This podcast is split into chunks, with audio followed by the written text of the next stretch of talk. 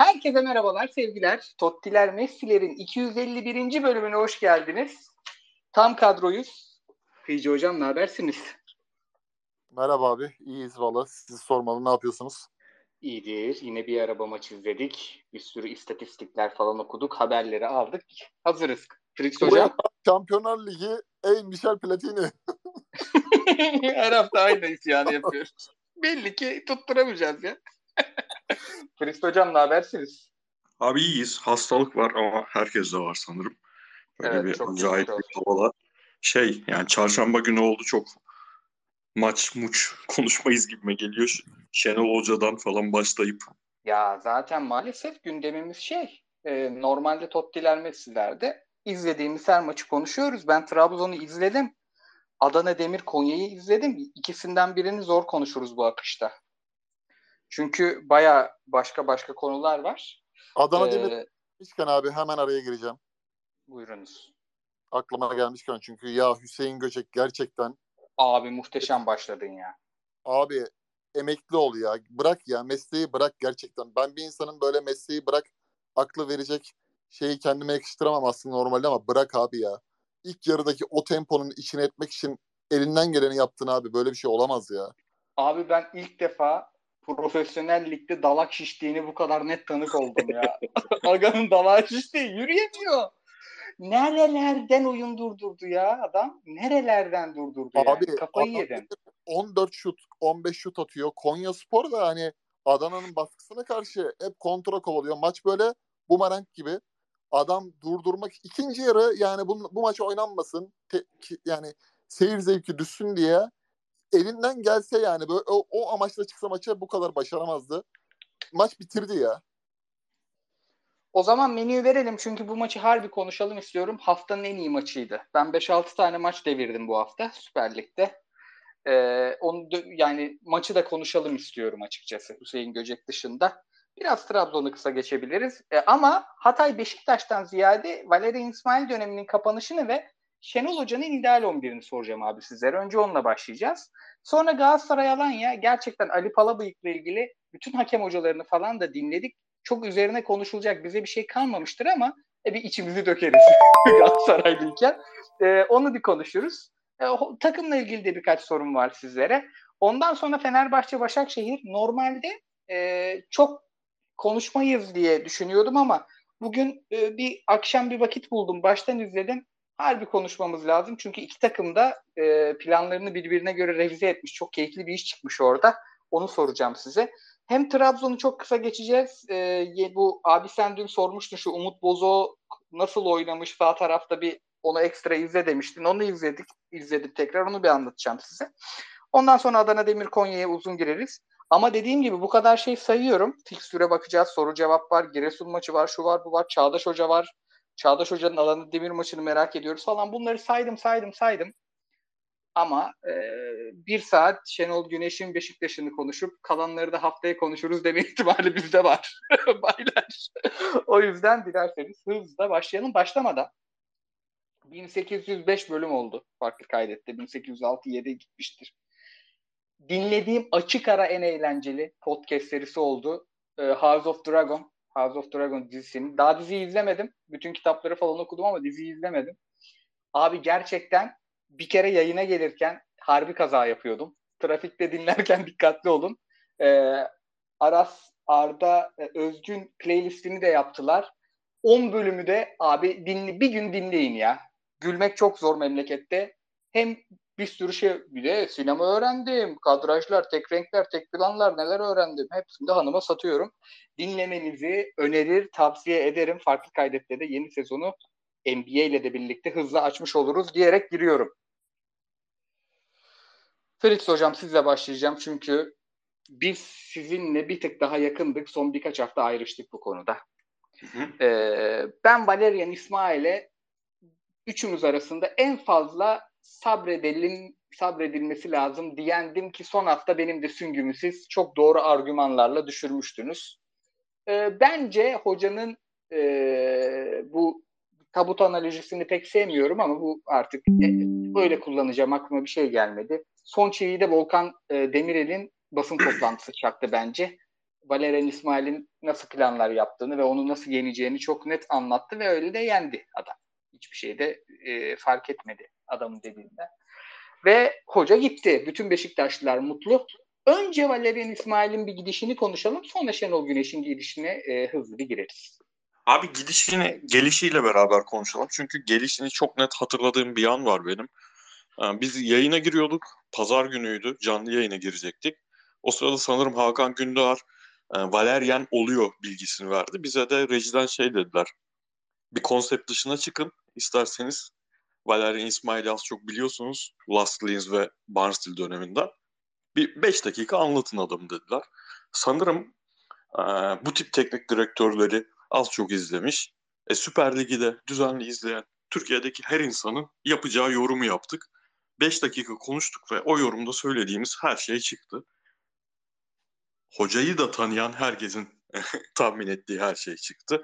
Yani ülkenin futbol ikliminden önce sanırım artık şeyi konuşmamız lazım. Bugün Can Mutlu yazmış. Mesela benim düşünmediğim bir şeydi. Size de sorarım onu. Ee, abi bu ülke kariyerinin başındaki bir teknik direktörü getirip onu takımla beraber büyütmeye uygun bir ülke değil ve bunu değiştiremeyecek miyiz? Çünkü Can'ın yazdığı şey şu. Bu ülkede başarılı olmuş, bu ülkenin futboluna çok şey katmış teknik direktörler.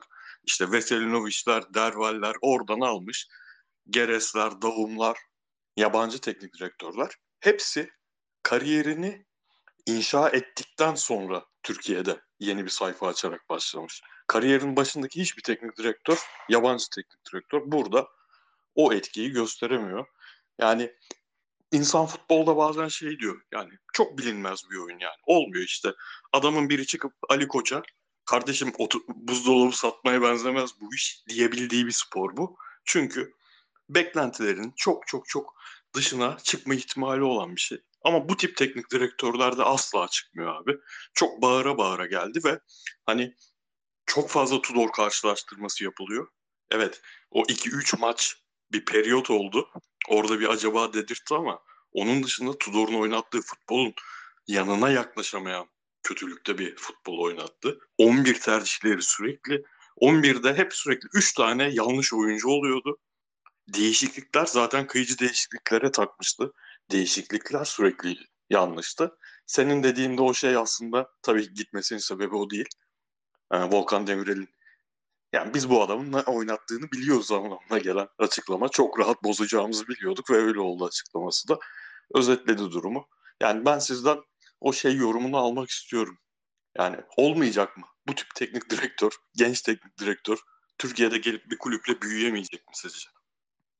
Valla abi onu genellemesini yapacağımız hoca Valerian İsmail mi? Yani İsmail o örneklerin arasına girer mi ile birlikte biraz böyle hani hafif hocaya güvenim de boşa çıktığı için e, soruyu biraz daha makyajlayıp kıyıcıya şöyle soracağım. Abi Beşiktaş e, Galatasaray'dan 8 gol fazla atmış. 20 golü var. Ligin en çok gol atan 3. takımı. Fener uçtu zaten. 29 gol. Anormal bir sayı. 2 Adana Demir, 3 Beşiktaş. Hiç fena değil. Ancak bu gollerin %75'ini ilk yarıda atmış. Bu Buna yaklaşan takım yok. Ligin ikinci yarılarında en az gol atan üçüncü takım Beşiktaş. Hatta ikinci en az gol atan ikinci takımla da aynı sayıda Kasımpaşa. Beşiktaş sonuncu Hatay.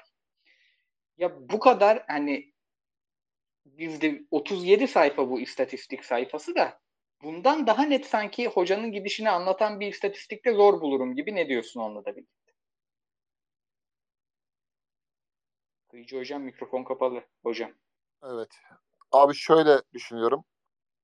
Valerian İsmail Beşiktaş örgüsüne dair önce e, aklımdakileri söyleyeyim. Bazı hani idealist teknik adamlara gerçekten Galatasaray için de bu hani Alman ekolünü çünkü e, genelde ben Galatasaray'a çok yakıştırıyorum. Hani Beşiktaş'a da e, Gordon Mill döneminden o dönemlere biz hani yaş gereği çok fazla e, son döneminde şahit olduk ama Beşiktaş'ın da böyle bir e, ekol tercih etmesine mantıklı buluyorum.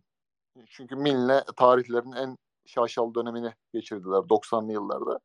E, belki Ceyhun Kazancı'nın bulunduğu ekip Valerian İsmail de bu yönde bir e, transfer politikasıyla karar kıldı. Yani Redmond işte Weghorst İngiliz tipi uzun santrafor. İşte ee, biraz böyle araya kaçan Muleka tarzı bir oyuncu. Ee, genel anlamda çok da takımın fizik kuvvetinin güçlendirip de e, bu işlerin olacağını düşünerek bu tercih yaptılar. Bu tabii saygı duyulacak bir şey. Çünkü Beşiktaş tıpkı bizim Alman ekolü gibi onlar da kendileriyle İngiliz ekolünü birleştirince başarılı olmuş bir camia. Ee, ama işte Türkiye'nin kaotik ortamı, Türkiye'deki spor yazarları, Türkiye'deki medyanın e, Türk teknik adamlar dışındaki yabancı teknik adamlara aslında hiç eskiden böyle değildi. Son yıllardaki bakış açısı. E, Türkiye'deki kadro kurulduğu zaman o kadronun hakkının bu teknik adamda olmayacağı seslerinin çabuk yükselmesi ki bu bu da son zamanlarda çok çıktı. Çünkü eskiden büyük takımlar e, Prime Aziz Yıldırım dönemi hariç zaten o kadroyu kuramıyordu mali sebeplerden dolayı. Yani Galatasaray'ın Geres'i getirirken bu kadronun hakkı Geres mi diyebilme şansı yoktu. Çünkü kadrosu transfer yapamayacak kadar, Malek Enzar'la oynayacak kadar vasattı. Ve o kadroyu Geres yükseltiyordu. Saydu'yla veya başka Hasan Şaş'ı 52 oyuncuyu kazanarak. Ama e, şimdi bütçeler ve şey anlamında şöyle söyleyeyim e, dekoder anlamında, canlı yayınlanan maç sayısı anlamında, pazar payı anlamında çok büyüyünce bu denklemleri görüyoruz 10-15 sene sonra Türk futbolunda. E, o yönde Beşiktaş bence yapılan tercih çok sorgulanamaz. İsim belki sorgulanabilir ama tercih sorgulanamaz. Valerian İsmail bir felsefe düşüncesinde gelmiş olabilir. Bir e, fikir is, ismine gelmiş olabilir. Çünkü Barnsley işte West Bromwich Albion, Slaven Bilic'e benzer tarafları var. Hafif Igor Tudor tarzı tarafları var. Yani fizik kondisyona önem vermesi. Ama ben Tudor gibi de çok böyle ateşli olduğunu düşünmüyorum İsmail'in. Yani soğuk bir tip. Tudor biraz daha ateşliydi yani. Basın toplantısında galipken 5 kişi görüyorum, mağlupken 50 kişi oluyordunuz falan diye Tudor'un da Türk basınıyla böyle e, kafa göz dalmalı olayları vardı. Valerian pek o topa da girmedi. Sessiz sedasız geldi. Bir şeyler yapmaya çalıştı ve gitti. E, ama şu var. Teknik adam değişikliklerinde mesela Valerian İsmail'den sonraki hamleler bakınca Şenol Güneş en doğru aday. Yani gidip de bir macera daha aramadılar kendilerince.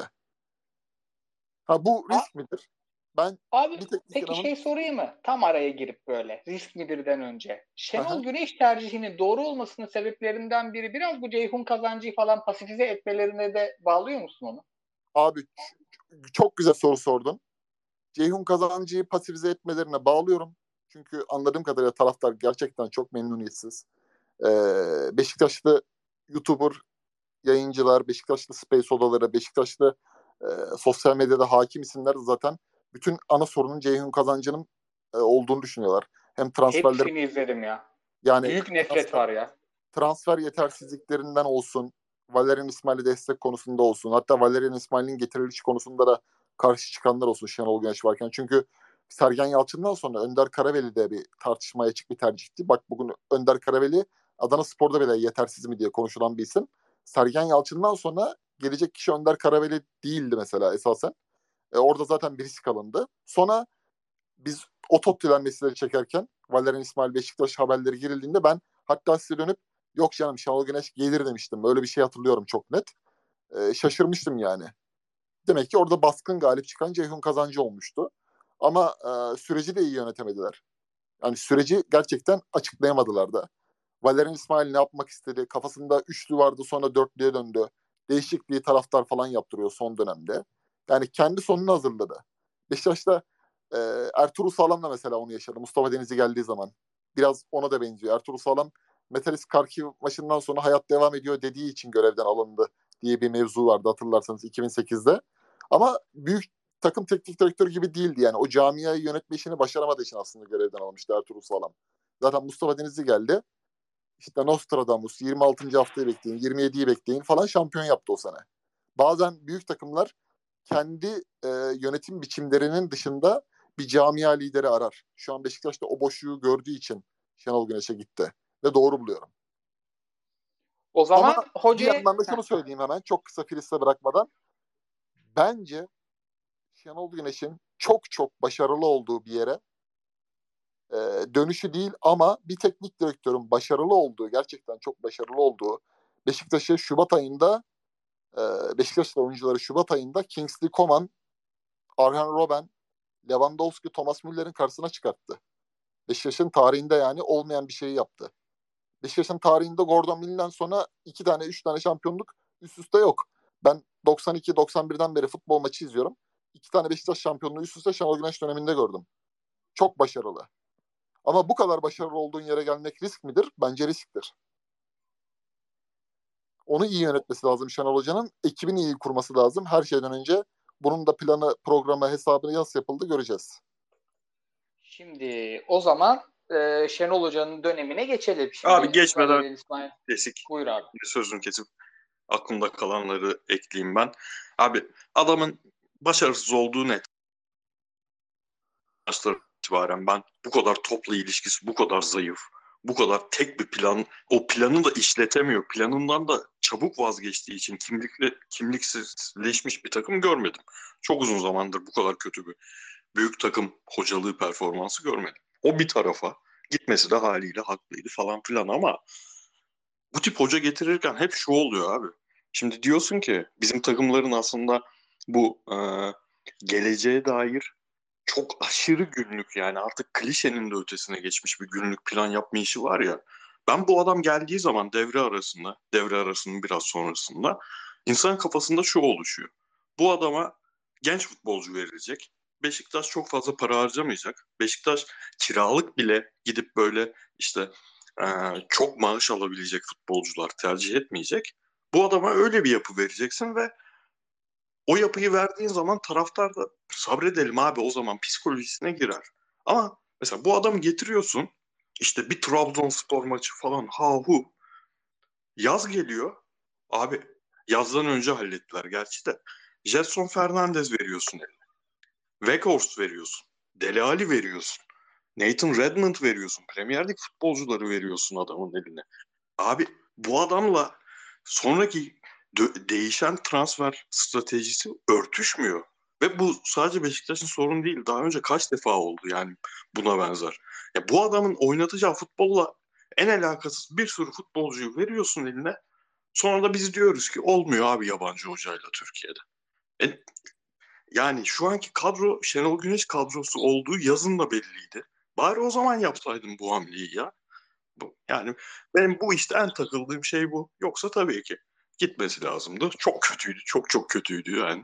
Şimdi sen abi gir Şenol Güneş dönemine. Ben de arkadan şeyde... aleni aleni açayım. Memnuniyetle. Can Mutlu'nun yazdığı şeyi de aslında karşılıyor abi son dediğin şu açıdan da. Ee, şimdi mesela George Jesus geldi. Çünkü neler neler görmüş bir hoca ve direkt hani Ali, Ali Koç'u göremiyoruz sağda solda ve transferde e, çok daha şaşalı isimler alabilecekken almadılar. Hocanın istedikleri, daha önce çalıştıklarını, hatta birçok transferi anlamadık. Bazılarını onlar da anlamadı. Buruma geldi, gitti bir şeyler oldu. Ama sonunda hocanın istediği oldu. Böyle bir hocayı getiren yöneticiler de burada biraz Ceyhun Kazancı'nın neden çizik yediğini de anlayabiliyorum ben. Bu hocaya uygun bir ortamı da yaratmak aslında oradaki sportif direktörün görevi ve pek yaratılmamış o. Yani biraz sebebi de o. Hocam Şimdi Şenol Güneş geldi e, diye düşünüyoruz artık. Hakikaten her yerden geliyor haberler. Resmi açıklamada muhtemelen ya bu gece ya yarın sabah gelir. Belki de gelmiştir. Ben de şu an Twitter açık değil. O da dışında bir şey.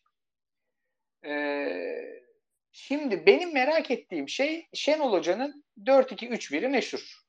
Ve bu 4-2-3-1'i e, 6 numarada böyle çok savunmacı oyuncu kullanmadan işte Selçuk Kolman, Atiba Oğuzhan böyle en teknik açıdan da e, rakip kalenin önünde de iş yapabilecek oyuncularla oynatmayı seviyor.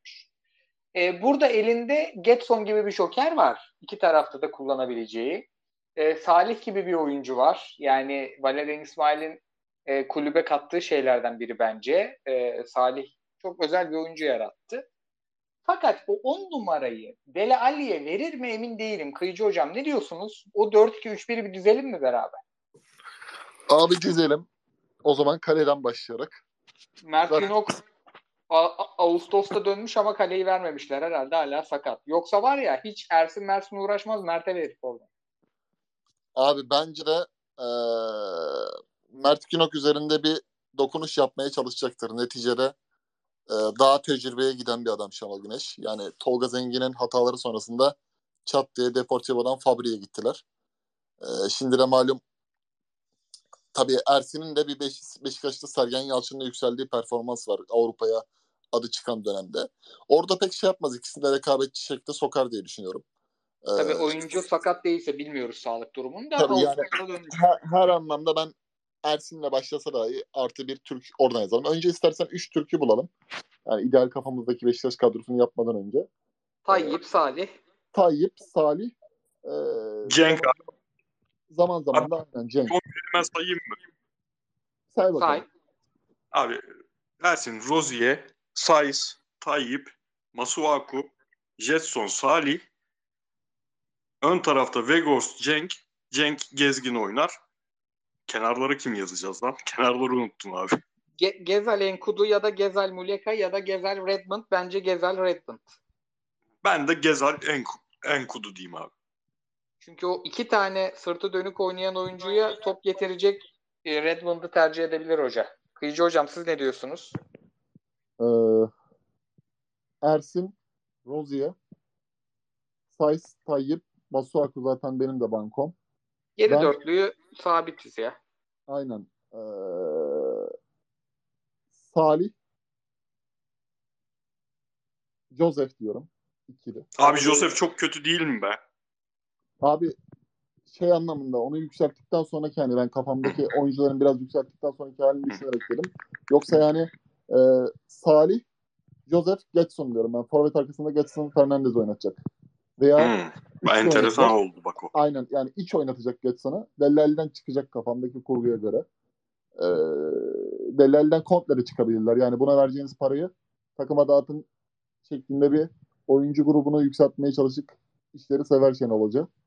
Kagawa dönemindeki örnekler gibi. Ee, Ocak ayında Dellal'den çıkalım diye de söyleyebilirler. Fes edilme muhabbetleri. Zaten Dellal'in kontratında sürekli oynatılma diye bir şey varmış. Hocanın pek sevmeyeceği işler.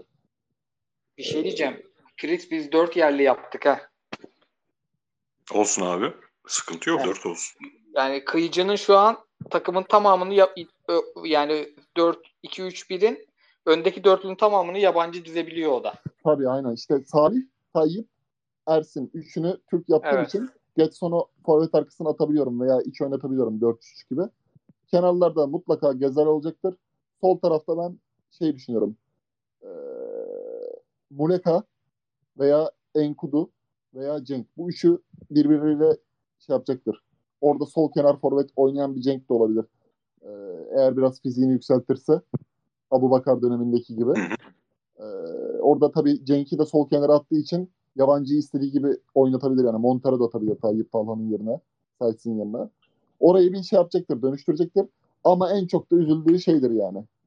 Ee, Rıdvan ve Emirhan'ın olmayışı. Çünkü Emirhan kesinlikle Şenol Güneş'e buluşsaydı orada başka bir fark yaratacak oyuncuydu. Hani Veri Kavlak Atiba'dan sonra bir Oğuzhan gelince oyun değişti ya. O tarz yöneltilebilecek bir oyuncuydu diye düşünüyorum. Zaten Forvet'te bir numara alternatifte Vegas olacak. Abi beni şu an en heyecanlandıran şey Fernando ikilisinin Weghorst, Muleka. Buradan çıkartır mı Muleka'ya bir transfer yaptırır mı? Çok bakan buya benzetmeye başladım ben son dönem. Şöyle Abi bizim, bizim Ongun'la konuşuyoruz. Ongun şey diyor. Şenol Hoca'nın sisteminde Muleka iki sene sonra City'ye gider.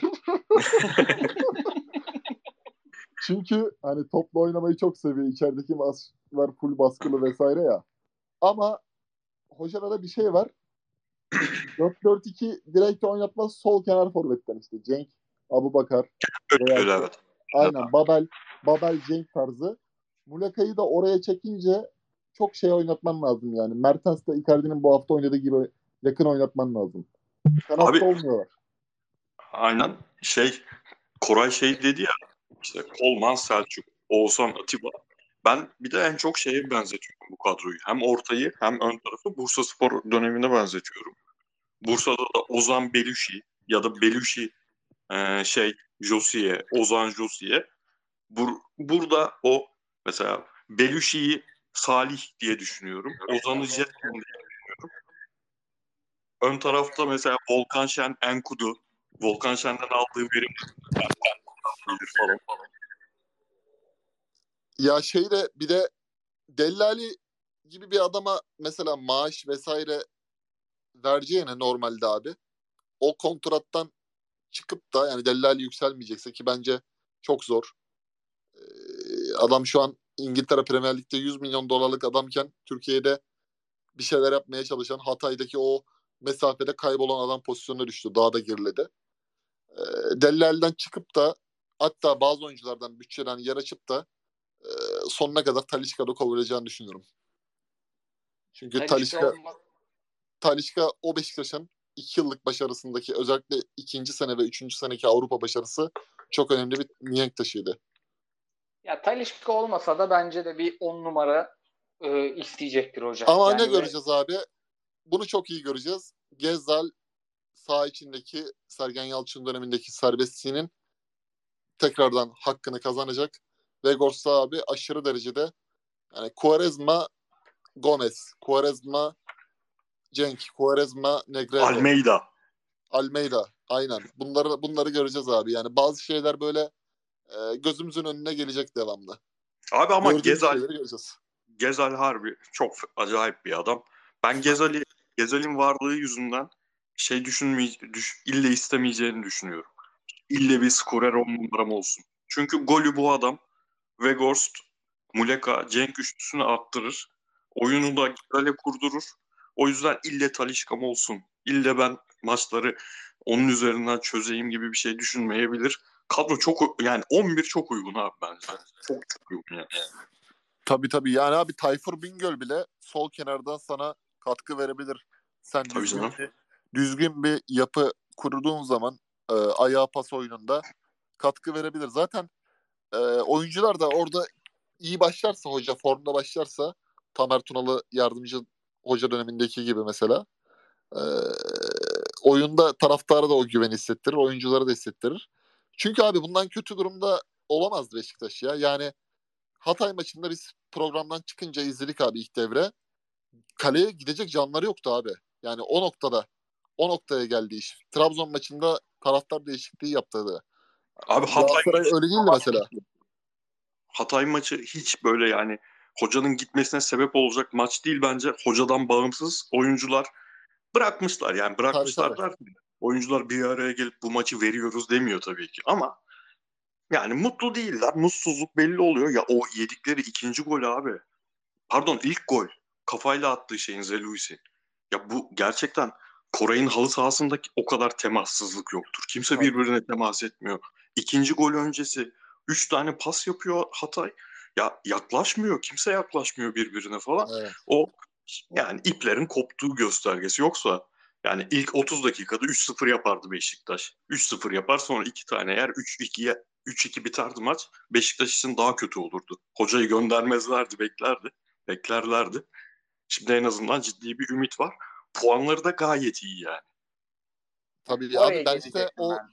o o Hatay maçındaki görüntüyü izlerken aklıma hep e, Başakşehir 5 Beşiktaş 3-0'lık maçtan sonra Tudor'un takımının Aha. Malatya'daki e, takımla bağının koptuğunu gördüğüm an aklıma geldi. Yani takımla İsmail'in çok benziyordu oradaki hali, ruh hali. Bayan futbolcular falan. Tabii tabii aynen. Maicon aşağıda yumruk yumruğa girdi bilmem ne. NDI işte o gün bir şeyler yapmaya çalışmıştı. Gol de atmıştı. Ya mesela işte bazı şeyler çok çabuk unutuluyordu mesela. Ondan sonra Tudor'un zaten takımla ilk e, arasındaki şeyin iletişimin koptuğu an Fenerbahçe maçıdır. Gümbür gümbür giderken birden üçlü müşlü bir şeylere döndü ya mevzu. İlk zaten orada patlak vermişti bence İsmail'in de ilk orada teknik adamda sorgulanmaya başladı. Hani üçlüye dön, dörtlüye dön baskısı. Orada abi idealist teknik adam bence ee, istifada verebilirdi yani. Peki şimdi Beşiktaş 3 maç oynayacak Dünya Kupası öncesi. Biri arena deplasmanı. O hoca kim olursa olsun zor. Yani ama onun dışında bir Ümraniye var. İnönü'de ki taraftar özlemiştir Şenol hocasını. O maçı taraftar alır. Bir de Antalya maçıyla giriyorlar araya. Ondan sonra 40 günlük bir ara var. Ondan sonra hem bir transfer dönemi hem de yoğun e, rakiplerin yo- şampiyonluk yolundaki rakiplerin Galatasaray dışında yoğun olduğu, kendi fikstürünün de yine yoğun ama onlardan bir tık daha rahat olduğu bir fikstür var. Fenerbahçe'nin bir maç eksiği var. Haydi onu da kazandı sayalım. 7 puanlıkta bir fark var. Evet. Kazanmazsa da 4 ya da 5. 5. Bu Beşiktaş'ı ben şampiyonluk adayları arasına koyarım. Ama geleceğim ben Adana Demir'i de koymaya başladım o tarafa ve 6 takımlı Trabzonlu, Başakşehirli, Fenerbahçeli, Fenerbahçe'nin biraz ayrıldı. Adana Demirli, Beşiktaşlı, Galatasaray'la bir şampiyonluk yarışını ligin ikinci yarısında da izleyeceğimizi düşünüyorum. Siz ne düşünüyorsunuz Fritz Hocam?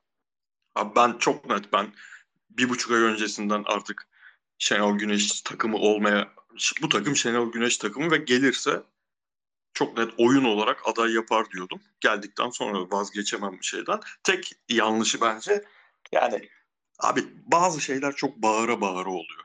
Bu adamı göndereceğiniz 3 haftadır belli. Ben geçen hafta şey demiştim. Hatay maçı öncesi gönderin. Senin saydığın fikstür var ya. Oraya Hatay'ı da ekledim ki. Bu Hatay iyi bir takım değil abi.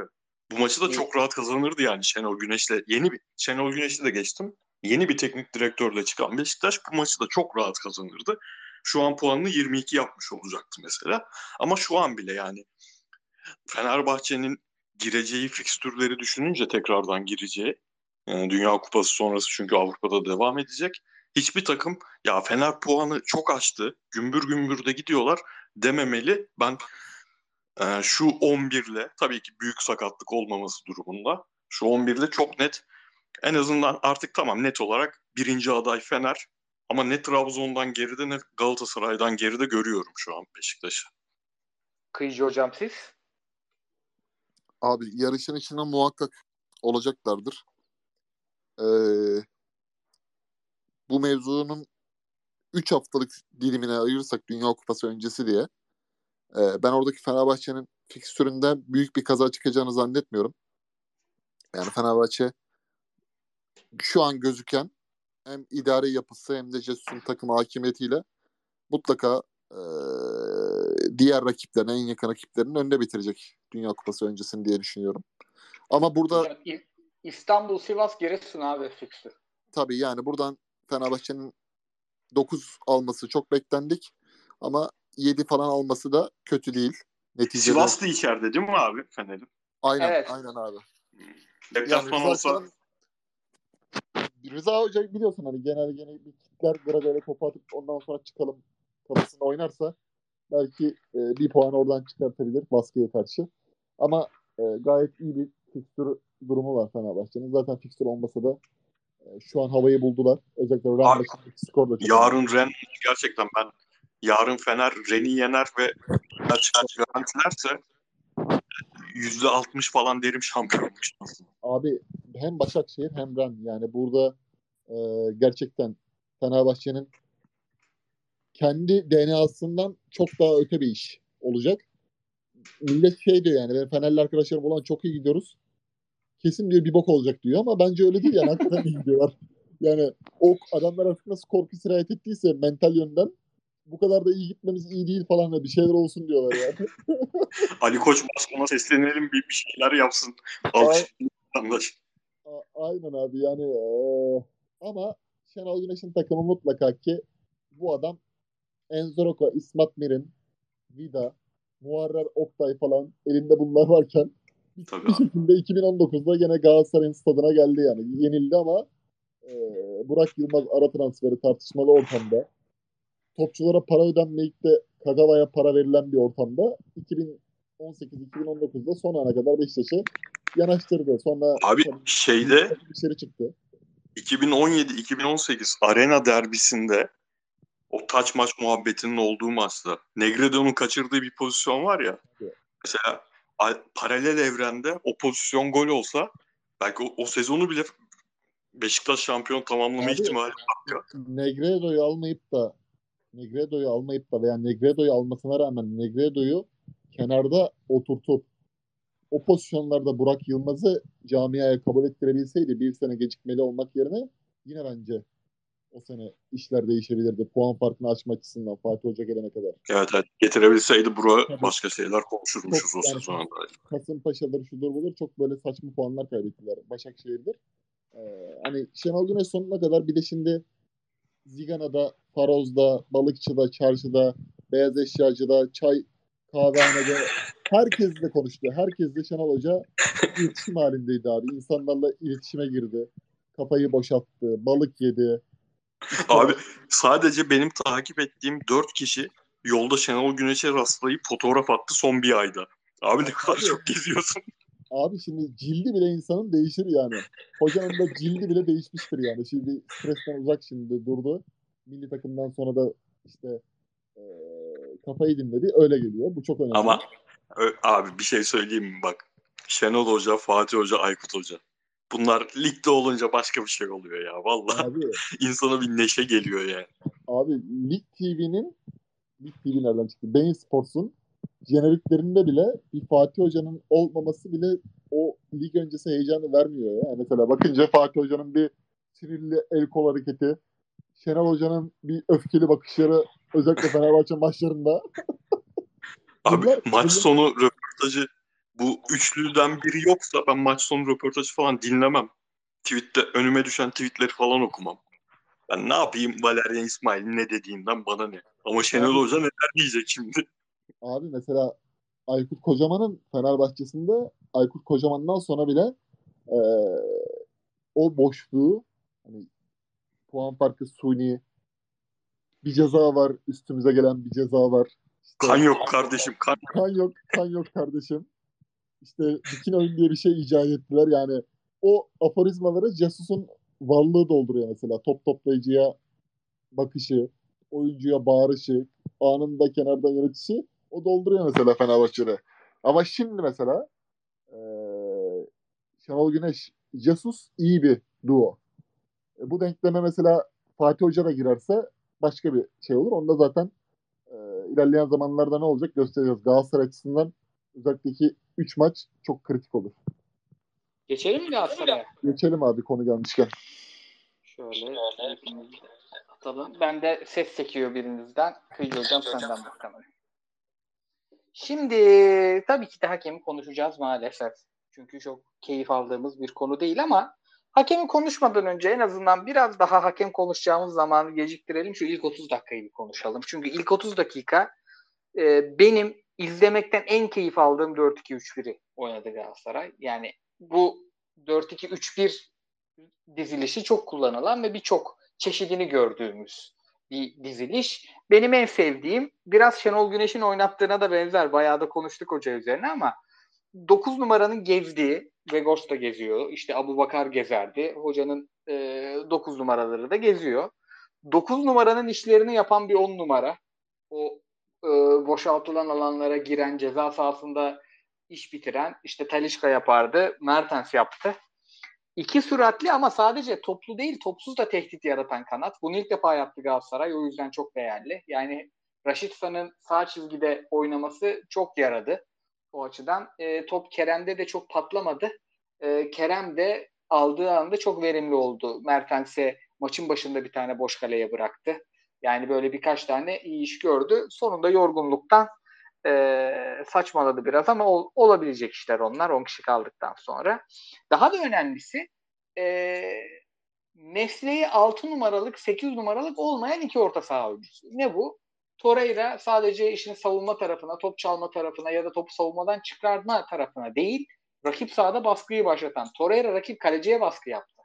Alanya'da cesaretlendirdi bunu ama e, Oliveira'nın da hem e, rakip kale etrafında var olduğu hem de savunmayı aksatmadığı böyle çok keyifli oynaması e, bekleri biraz daha rahatlatan iki değil hani 4-4-2'yi böyle 3 blok halinde savunmayı çok net okuyabildiğiniz aslında e, tekrar yaptıkça takım alıştıkça da çok akıcı bir oyun size izletebilecek bir 4-2-3-1. Bunu izlemek bir kere büyük keyif. Kıyıcı hocam hakeme kadarını bir konuşalım çünkü uzun süredir izlediğimiz en iyi 30 dakika olabilir. Abi Kayseri spor maçında nasıl burada konuştuysak Mertens, Kazımcan işte Onur Bulut'un arkasına böyle bir yapı koymak, e, Onur Bulut'un karşısına böyle bir yapıyla çıkmak. Bu bunun test maçı acaba Kayseri Spor mu olması gerekiyordu bizce yanlış diye düşünüyorsak bu maçın e, Ali Palabıyık hakemin e, rezaletine kadar olan kısmı verdiği kararların rezaletine olan kadar kısmı yani 30. 31. dakika kadar olan kısmı bence e, umut vadedici. Yani ilk 30 dakikadaki Galatasaray evet doğru bir plan dahilinde Farioli'nin önde baskı işte benim üzerime gelin felsefesini gayet e, tüm Süper Lig'deki büyük maçlarda yaptığı gibi doğru çözmüş. Torreira ile Oliveira'nın özellikle bölgesel baskıda gayet iyi ve Mertens'in e, geldiğinden beri en verimli olduğu şekilde Icardi'ye yakın oynayıp hatta hatta burada ben etkinin de direkt Rashica üzerinden konuşulması gerektiğini düşünüyorum. Mertens'i ileri uçta taşıyacak şekilde hem e, onun boşluklarına girdi o ilk yarım saatte. Hani koridor açtı kendine bir tıpkı bir salt İngiliz kanat oyuncusu tarzı oynadı. Hem de e, Kerem'in oradaki top kayıplarını biraz daha tolere edecek şekilde oyunun ana akım belirleyicisi oldu. Yani kendi kanadı üstünden oyunu kurup Kerem'in üstündeki o saçmalama e, riskini azalttı. Yani o Raşika, Mertens, Icardi yapısını beğendim. Ee, yani biraz zaten... şey Kerem'e e, kuruculuk oynatabildik sonunda değil mi abi? Evet, evet, evet abi. Yani Kerem'e biraz e, Yunus'la zaten Kerem'in hep o ilk tercihlerini zaman zaman yanlış, zaman zaman da çok topu ezerek yapması bizim sezon başından beri en şikayetçi olduğumuz şeydi Galatasaray'ın oyununa dair. Çünkü topu alıp çekecek, bir kez daha pas atacak. O pas atana kadar ki o topu alıp çekmelerde rakip savunmanın yerleşmesi, bu tercihlerin sürekli ve e, sorgulanabilir halde olması çok can sıkıyordu. Özellikle Antep maçında bunun bedelini pahalı ödüyorduk. Ama yine de kazanmasını bilmiştik. E, Kasımpaşa maçındaki performans hariç zaten çok gittili geldi diye ikisi. E, Okan Hacı orada doğru tespit yapmış. Raçika üzerinden de bir e, fırsat oluşturduk kendimize. Sonra tabii malum çok komik bir kırmızı kart. E, Boyen pozisyonu zaten örnekleri de onları konuşmaya gerek yok. Herkes biliyor zaten. izledi. En temizini orada Lale Orta yapmış en temiz analizi. Topun kime yakın olduğu değil kime gittiği önemli. Bu hiçbir yerde verilecek bir kırmızı kart değil demiş. Kestirmiş atmış haklı. Aynen. Muslera'ya geliyor top. Ki öyle bir kırmızı kartı olacak bence şey de yok abi yani. ikili mücadelenin bir tane orada e, Vardan da dönecek bir pozisyon aslında. Öyleymiş ya. Ben var çağıramaz zannediyordum orada. Abi yok Vardan dönebilir de onu yapmadı. Onu zaten yapmadığından alev aldı ortalık. Sonradan iptal etse hiçbir şey yok. Kendi şeyi de e, düşürmez. Oradaki maçın kontrolünü de elinden getirmez. Gel gelelim abi. Ben ilk 30 dakika okey. Galatasaray'ın oynama mantalitesi budur. Kazımcan bile hani e, çok tuttuğum bir oyuncu değil ama elinden geleni yaptı. Ben sonraki şeyi görerek konuşuyorum abi. Bak bu e, bir dilek veya bir kalıcı bir tespit değil. Son 3 maç özelinde mesela Adana Demirspor gerçekten sert bir maçtı. 10 kişi oynadı Adana Demir. 30 dakika biz e, oyunu force edip de kazanabilirdik orada. Ama rakip Adana Demir olduğu için çok bu gözümüze batmadı. Çünkü neticede onlar da kaliteli bir futbol oynayan bir takım. Kayseri'de konuştuk bak. Bu Kayseri'deki kadro dizilişi tartışmaya açık. O Kayseri'de çizik yedi hoca. O, ha, hoca aynen senin dediğin gibi hoca orada bir çizik yedi kafada. Ben Alanya maçındaki hocanın oyuncu değişiklikleri dahil olmak üzere zorunluluktan olan şeyi demiyorum tabii ki. Yani Mertens'in çıkıp da Dubois'un girmesi harici. Bazı tercihlerini şaşırdım. Yani Mitchell Emin Bayram, Berkan Kutlu. Berkan Kutlu hadi Kazımcan sakatlandığı için sol beki aldı. Sol bekte yani hocam sol bekte kalsaydı Berkan sallanmasına rağmen kalsaydı herhalde Emin ve Sefer'in oyuna girdiği kadar daha çok e, taş koymazdı diye düşünüyorum. Ya da Emin ve Sefer oyuna değil de Yunus'la Gomis oyuna girseydi Gomis'in bir 10 dakikalık diriliği 10 dakikalık bir önde rakip stoperlere üzerimize çıkartmamayacak yönük oyunu veya Yunus'un bir kalça koyup da topu saklama, bir topu alıp da ileriye çalım adam eksiltme özelliğiyle bu işler bu kadar sarpa sarmazdır diye düşünüyorum. Hakemin kıyıp doğramasına rağmen. Yani hocam bana orada şeyi vermedi. Okan Buruk hocam bana orada 3 e, maçın ortalamasını ele alarak Adana Demir'deki son yarım saat 10 kişi Adana Demir bu e, Alanya maçındaki oyuncu değişiklikleri ve Kayseri'deki çıkarttığı kadro. Üçünün Abi, ortalamasını orada, alarak konuşuyorum. Yine sana bir ara pas atayım mı geçen Beşiktaş'taki gibi?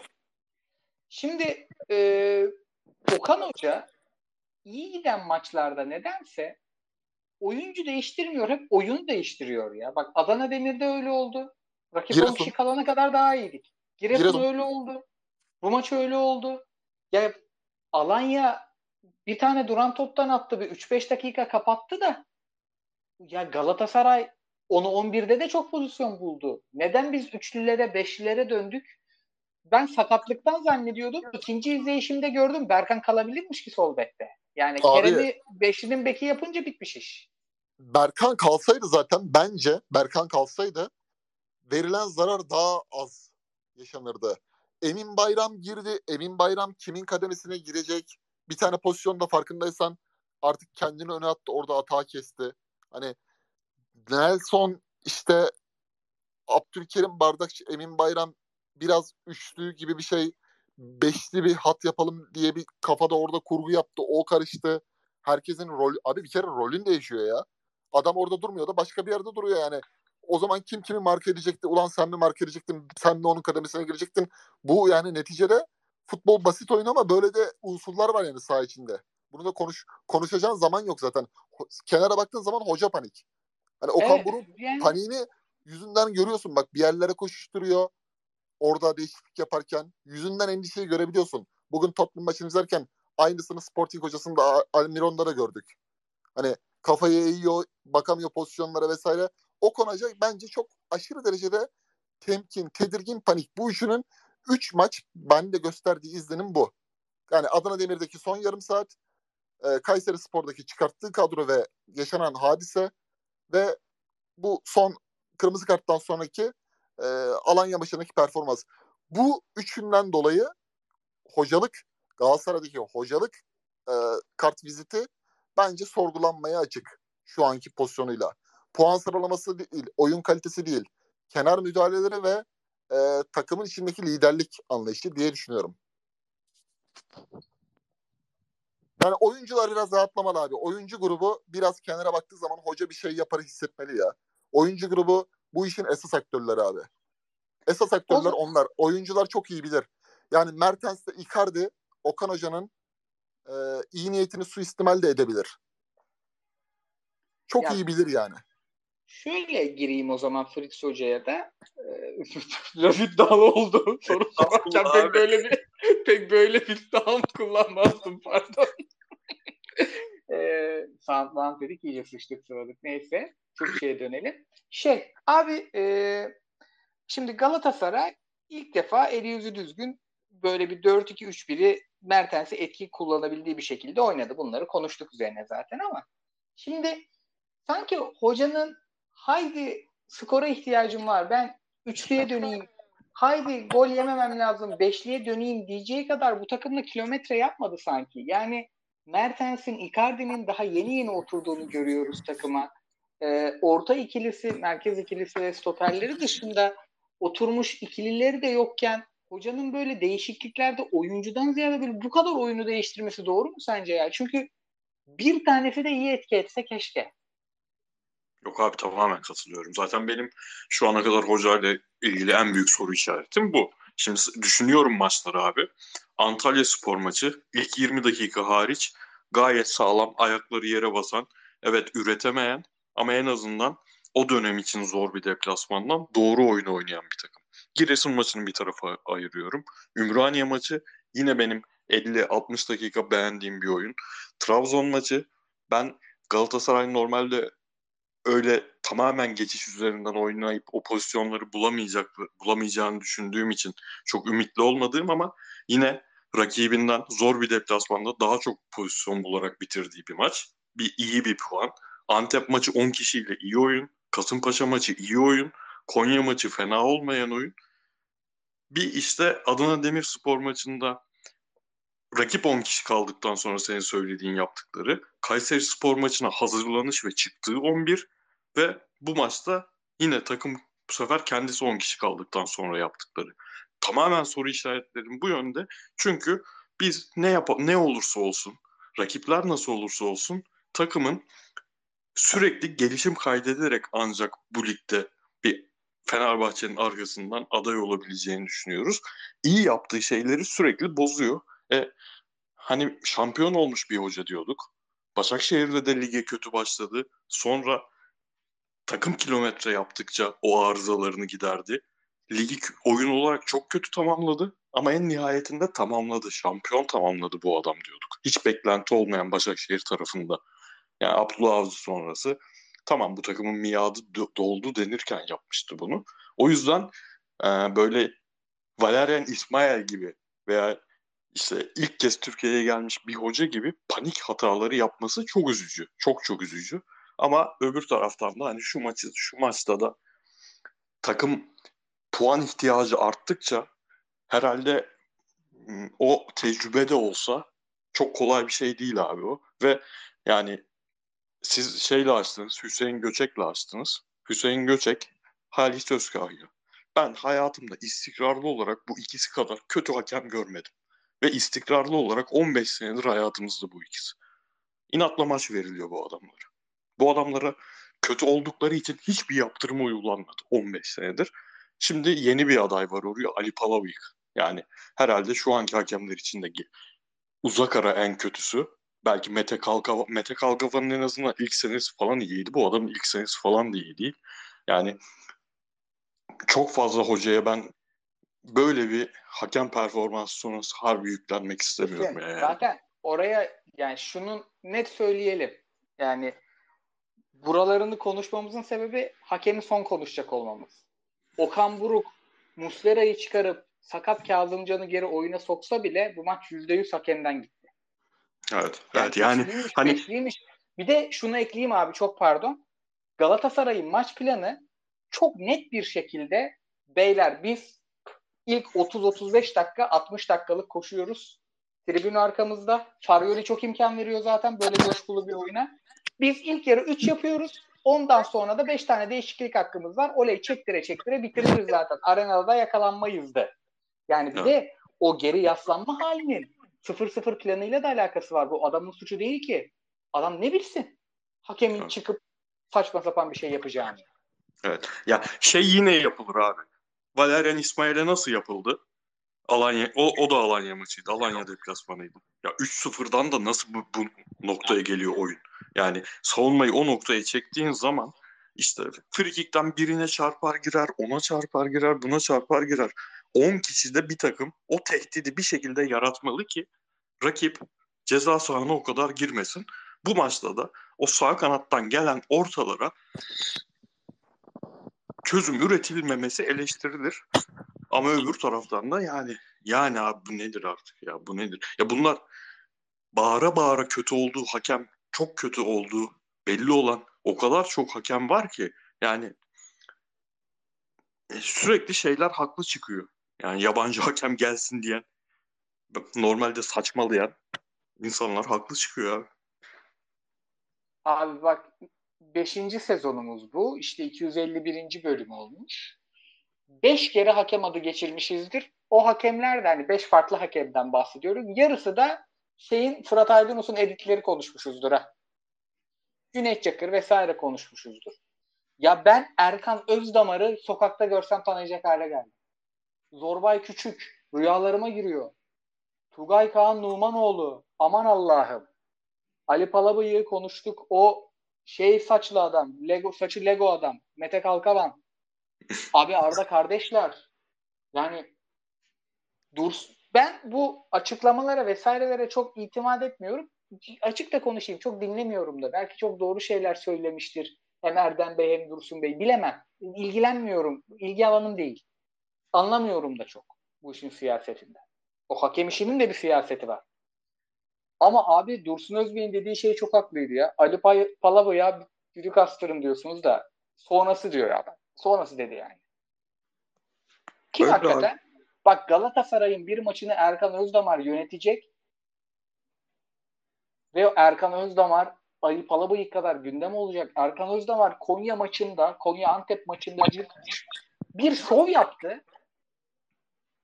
Verilmeyen penaltılar, sahadaki duruş falan görseniz hakikaten Woody Allen filmi gibi abi. Yani felaket bir e, hakem şeyi var, kadrosu var bu sene. Ama şunu da söyleyelim. Hani şu da bana biraz abartı geliyor. Bu sene hakemlerimiz kötü. Bu sene hakemler kötü de Galatasaray'ın başına bunlar çok yaptığımız şeyler değil. Ama bu Galatasaray'ın başına gelen de bu sene biraz fazla oldu. Kıyıcı hocam haksız mıyım yani? Ya, hakikaten VAR'ın değiştiğini biz Galatasaray maçında görüyoruz. Bir iki abi şunu ekleyeyim kıyıcı. Kuralı... Heh, buyur abi. Şunu ekleyeyim kıyıcıya bırakmadan. Mesela Abdülkerim'e çıkan kart abi. Maçın o noktasında hani çok bir skoru zaten değiştirmedi. En fazla bir dakikasını yedi maçın falan. Abi o hareketin bence çok daha netini bir gün sonra Hataylı oyuncu Beşiktaşlı oyuncuya yaptı ve atılmadı. Konuşulmadı bile buna kart çıkmalı mı çıkmamalı mı diye. O pozisyonun Ve, daha neti bizim maçın içinde de var. Evet. Ve e, şey lehine de e, Alanya lehine de çok net bir penaltı var filan. Yani Evet. Ve bak varın diyorlar ya var işte hocam siz varı yanlış biliyorsunuz. Var yokmuş gibi izleyeceksin. Varın sebebi tam da o. Hakem Aynen. topun olduğu ayağına bakıyor. E, Nelson destek ayağıyla düşüyor destek çocuğun ayağı. ayağının üstüne. Hakem evet. onu görmemiş olabilir ve var onu vermeli. Çok net bir penaltı o da mesela. Çok net vermeli. Ama abi yönetim için de şunu söyleyeyim. Abi Valerian İsmail'deki ne kadar çok Valerian İsmail dedim ya bugün. Okan Buruk konuşurken. Valerian İsmail'de söylediğim... Aynen abi doya doya Valerian İsmail değil. Kral yine gider bir championship takımı alır ya orada bakarız orada güzel oynatır. Abi ona Beşiktaş yönetiminin yaptığının aynısını bir benzerini transferin son günü 6 tane adam aldın ve belki de hocanın e, kariyerinden büyük adamlar aldın hepsini. Yani transfer bitmeden önce zaten Torreira, Mertens getirdin. Transfer son günü Icardi, Mata getirdin. Adam Seferovic, Mertens üzerinden bir oyun kurgularken bir anda elinde Mata, Icardi buldu. Icardi Mata'yı attı oynatmıyor diyelim kenara. Icardi'siz bir plan yapamaz. Seferovic boşa çıktı. Şimdi bu adamı da ulan iyi giderken niye yanlış tercihler yapıyor, bir anda oyunu bozuyor falan diyoruz da böyle bir toplama kadroyu da yönettiğini unutmadan yapmak lazım eleştirileri. Yalnız hocam Icardi hakikaten hocanın Seferovic'te hayalini kurduğu işleri de çok güzel yaptı be. Abi yapar yapar yani kafa yerinde olsa yapar da kafa ne kadar süre yerinde kalacak onu görmek lazım. Bence var ya harika oynadı Icardi. Aynen Harika oynadı. Kıyıcı hocam ama size bir Ali Palabıyık konuşalım ya sizle. Abi mesela şey de ilginç. Sesin gitti. Mikrofona uzaklaştın ha. Kulakla. Ha şu an net mi sesin? Evet şu an net. Onunla ilgili şu durumlar da ilginç. Hafta içi basına da düştü. Hocam bir gelin izleyin ben göreceğimi gördüm falan demiş diye e, durumlar ortaya çıktı. Ve ardından da Galatasaray'ın mesela Dursun Bey ve Erdem Bey'in tepkisine rağmen hakem konferans liginde Zalgiris Vilnius maçına atandı.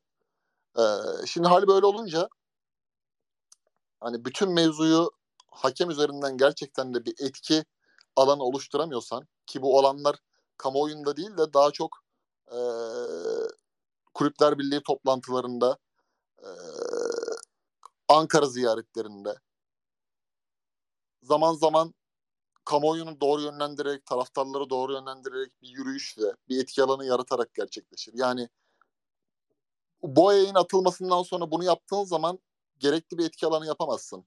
Veya senin taraftar grubun boykot Ali Koç diye bir operasyon çekiyorsa bunu yapamazsın yani. Bu işler biraz böyle hasır altından ve e, sessizce gerçekleştirilir.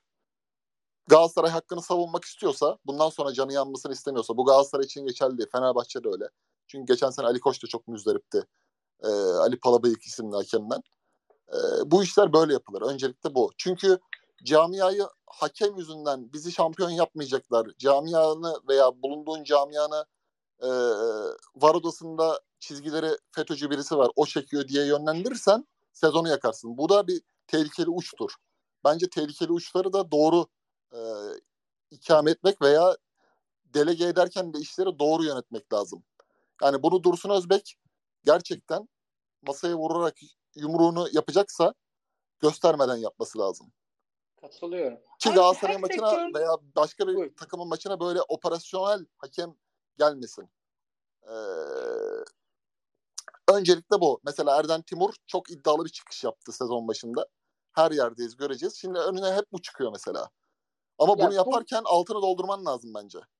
İşte bu biraz sanki şeyden kaynaklanmıyor mu? Yani takım yeni üzerine konuşuyoruz işte. Mertens Icardi daha yeni oturuyor, bir sürü ikili oturuyor vesaire vesaire. Oyun iyiye gidiyor. İşte Kayseri maçı hariç konuşuyoruz. Hoca yeni işte değişikliklerde oyunu değiştiriyor bilmem ne bilmem ne üzerine konuşuyoruz. Bunların hepsi kilometre yaptıkça daha iyi hale gelecek varsayımlarında da bulunuyoruz. Onlar da gösteriyorlar sahada zaten. Yönetim de yeni ya. Özellikle ben Erden Timur'dan böyle hani NBA'de çaylak hataları derler ya. Şimdi adam uzun süredir Galatasaray'ın içinde basket takımında da güzel işler yaptı vesaire vesaire ama futbol başka bir gayyar kuyusu ve burada bu tarz hataları yönetim tarafında da göreceğiz. Bu belki de hata olmayabilir ha. Bu tarzın doğru olduğunu çok nadir gördük diye hata diyorum. O kabulle konuşuyorum. Bunları da sanki abi göreceğiz. Yani üç paydaşın da yeni olmasının sancılarını çekecek Galatasaray. Buradan istikrar çıkarsa keyifli bir şey izleriz gibi geliyor bana ama. Abi ya ne yapacaklarına net bir karar versinler. Şimdi Ceyhun kazancı muhabbeti Galatasaray'da da olmasın. Yani o olacaksa olsun. Eğer Erden Timur'un kafasında başka bir şey varsa onu yapacaksa bir an önce yapsın. Yapmayacaksa bir ket vurulsun şu muhabbetlere artık. Erten Timur yabancı hoca istiyor, şöyle istiyor, böyle istiyor falan. Bun, bunlar bunlar daha çok yoruyor şu an. Yoksa halledilir yani bu takım yarışmacı da olur. Önündeki maçı kazansın, o krizin içinden çıkmayı başarsın. Hallolur bunlar. Abi, kadro iyi kadro yani. Kadro kötü kadro değil. Kadro kadro çok güzel kadro yani. Abi çok çok Fenerbahçe 9 puan yiyecek kadro değil. Çok net şöyle bir şey düşünüyorum. Yani Okan Buruk'la ilgili az önce hakem olayını bir kenara bırakarak her şeye rağmen Alanya'ya galip gelebilirdik diyorum ya ben. Bak hı hı. Sesin yine gitti. Yine uzaklaştı mikrofonda. Abi ben şu an başka bir yerdeyim de sesim ondan dolayı öyle. Ee, ha, şu an temiz ama. Aynen. Bu, bu yayında biraz böyle olmuş olabilir. Dinleyicilerden özür dilerim. Bir kere oldu ya. Ha, şunu şunu kastediyorum abi. Galatasaray her şeye rağmen iki puan daha fazladan cebine koyabilirdi bu maçta. Okan Buruk'un da bir rahatlaması lazım. Çünkü e, biz Gaziantep maçında bir buçuk XG ile ikinci yarı maç kazandık abi. Gomis'in penaltı pozisyonu var. Son dakikada gelen gol var. Ee, Kerem'in oyundan alınıp çok doğru bir şekilde radikal hamle. Emin Bayram'ın stopere girmesi 46. dakika. Sonra yapılan değişiklikler işte e, Berkan Kutlu'nun oyuna girmesi. Oradaki o kaotik yapıdan Gaziantep Ligi'nin lideriydi. Bak doğru işlerde nasıl hocayı övüyorsak bu tür işlerde de Okan Buruk'un bir mental yönden rahatlaması lazım. Doğru kararlar vermesi lazım abi. Mesela ben şeyden bile şu an aklıma geldi. Ee, Alanya maçında 46'da mesela Boğa'ya atıldıktan sonra değişiklik yaptı. Dubois'ı aldı. Bak orada bile yani 2-1 olsa devrede belki de 3-2 biz kaybedebilirdik. Bir 15 dakika 16 dakika daha sabeksiz olduk. Oraya Raşika geldi. Zaman zaman Kerem geldi. Mesela o an anında müdahale etmedi. Sonra zaten bütün mevzu koptu. Dubois girdi. Ee, sağ Kerem çık şey çıktı. E, değiş Mertens çıktı. Değişiklikler orada oldu. Bak bir 15-20 dakikada orada da bir karar verdi. O, o da belki bizim başımıza iş açabilirdi. Şey, frikikten önce üç başka adam giriyordu. Barış Alperler falan giriyordu. Hepsi değişti. Tabii değişti. Oğuz'un vurduğu toplar direkten döndü mesela. Sol taraftan. Evet. Bak işler sarpa sarabilirdi. Ben de diyorum ki hocam sen zaten Farioli ile oynuyorsun. Farioli sana önde basacak. Sana gelecek yani bu diyecek ki 2-0 ben bunları bir sıkıştırayım. Hırpalayayım. 10 kişiler. Sen 3'ü kovalayabilirdin. Sen neden panikliyorsun hocam? O zaman ki bulduk ya. Ki bak geliyor abi fırsat geliyor. Galatasaray 2-1'den sonra bile 3'ü yapabilirdi. Seferovic sana ne vaat etti de sen oyunu aldın hocam. Seferovic sana ne vaat etti? Ne yapar dedin sen? Adam zaten yapsa 10 haftada bu kadar gayya kuyusundan çıkartılmazdı yani. Adam mental yönden bitik. gücü yok. Ben Ocak ayında nereye gideceğim onu düşünmeye başlamış. Icardi gelmiş önüne. Mertens, Icardi olmasa Mertens santrafor oynar. Gene sen oynayamazsın 11. Gomis, var. var. Yani sana ne vaat etti Seferovic? Neden oyuna soktun? Gomis'i sokmadın. Sana ne vaat etti? Ne vaat etmedi Yunus da? Yunus yerine başkaları oyuna girdi. Bunları yapsa yenerdi demiyorum. Hocam sen doğrusunu yap. Doğrusunu yap kamuoyunun gözünde ama bir rahatla. Bunu kim yapacak? İki numarayla bir numara yapacak abi. Okan Buruk'la yola devamsa. Bak üç tane kritik maç var. Karagümrük, Cuma günü. Önümüzde yani. Karagümrük'te Boruniler, Moruniler geliyor yani bak. Karagümrük. Cagney'in golü hocam. Cagney'in golü dikkatli her bilgisayar monitöründe açmayın. Benimkini çatlattı o tek vuruş. Benim Beşiktaş, monitörüm çatladı. Beşiktaş zaten zordu içeride. Fizik gücüyle zordu. Şimdi o fizik gücünün üstüne oyun aklı da eklendi Şenol Güneş'le. Bir hava havaya girecekler yani. Ve Başakşehir. Emre Belezoğlu uyutur uyutur. 75'ten sonra 3 tane adam atar. Bernard Traore şudur budur Okaka. Seni tehdit altına alır. 3 tane maç var. Hakemle ilgili bir toplantı yapıldı. Konuşuldu, edildi. Kamera karşısında Dursun Özbek gayet cevapladı. Güzel. Oldu. Olduğu kadar bu kadar. Hakem olduğu kadar konferans liginde maç aldı. Nasıl olduysa. O zaman bence ama bence hocanızın arkasındaysanız ve hocanıza güven tazelemek istiyorsanız bir şey yapın. Böyle hani nasıl söyleyeyim bir yemek organize edilsin. Fatih Hoca onu çok yapardı şampiyonluk dönemeçlerinde takımla. Hani başkan olsun, Erden Timur olsun. Şu an camiada o hava da yok. Şu an herkes şey bekliyor. 3 hafta sonra biz nerede olacağız? Evet, herkes reaksiyon bizim, bekliyor. Bizim, yani bizim şey... Fena, abi şu an ben sana konuşanımı söyleyeyim. Galatasaray'ın ortalaması bu odaysa, bu odada da 400 kişi varsa 400 kişinin en az 200 kişisi 3 hafta sonra Fenerbahçe ile aramızdaki puan farkı kaç olacak diye düşünüyor.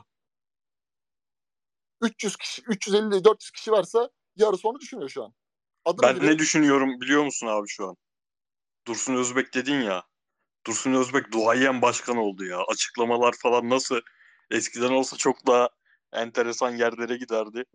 Harbi net abi, böyle başkan abi, gibi başkan oldu ya. Abi işte bir tık bir tık daha ka- kaosa müdahale etmeden yani testi kırılmadan derler ya testi kırılmadan şu 9 puan ortadayken 9 puanı almamız lazım. Ondan sonra bu hafta hep şey dönüyor. Gallardo ismi çıkıyor. Alman Wolfs'un yanına Wolfs geldiğine göre Alman hoca ismi çıkıyor. Bunlar topçunun da kulağına gidiyordur. Okan Buruk'un da kulağına gidiyordur. O zaman camiayı konsolide etmek lazım. Ben böyle düşünüyorum abi. Ortada kaçan bir şey yok şu an. Hani telaşımız var ama acelemiz yok. Bizim şuradan bir çıkmak istiyorsa Galatasaray, yarışta olmak istiyorsa ve Fenerbahçe'den 8-9 puan geriye düşmek istemiyorsa bence işin hakem kısmından ziyade içerideki iç huzuru da sağlaması lazım diye düşünüyorum. Çünkü Adana Demir'de puan bıraktık. Kayseri'de yenildik. E, Alanya maçı bu hale geldi. Bir kriz var bir yani. Gö- görülen bir kriz var. bir de şimdi şöyle bir durum da var. Ee, tamam hakemli ya şu hakemin performansında konuşulacak bir şey yok zaten. Hakem hocaları bile konuşmadı.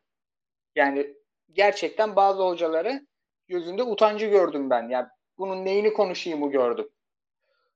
Ee, ki çünkü normalde izlediğimizden daha fazlasını izledik.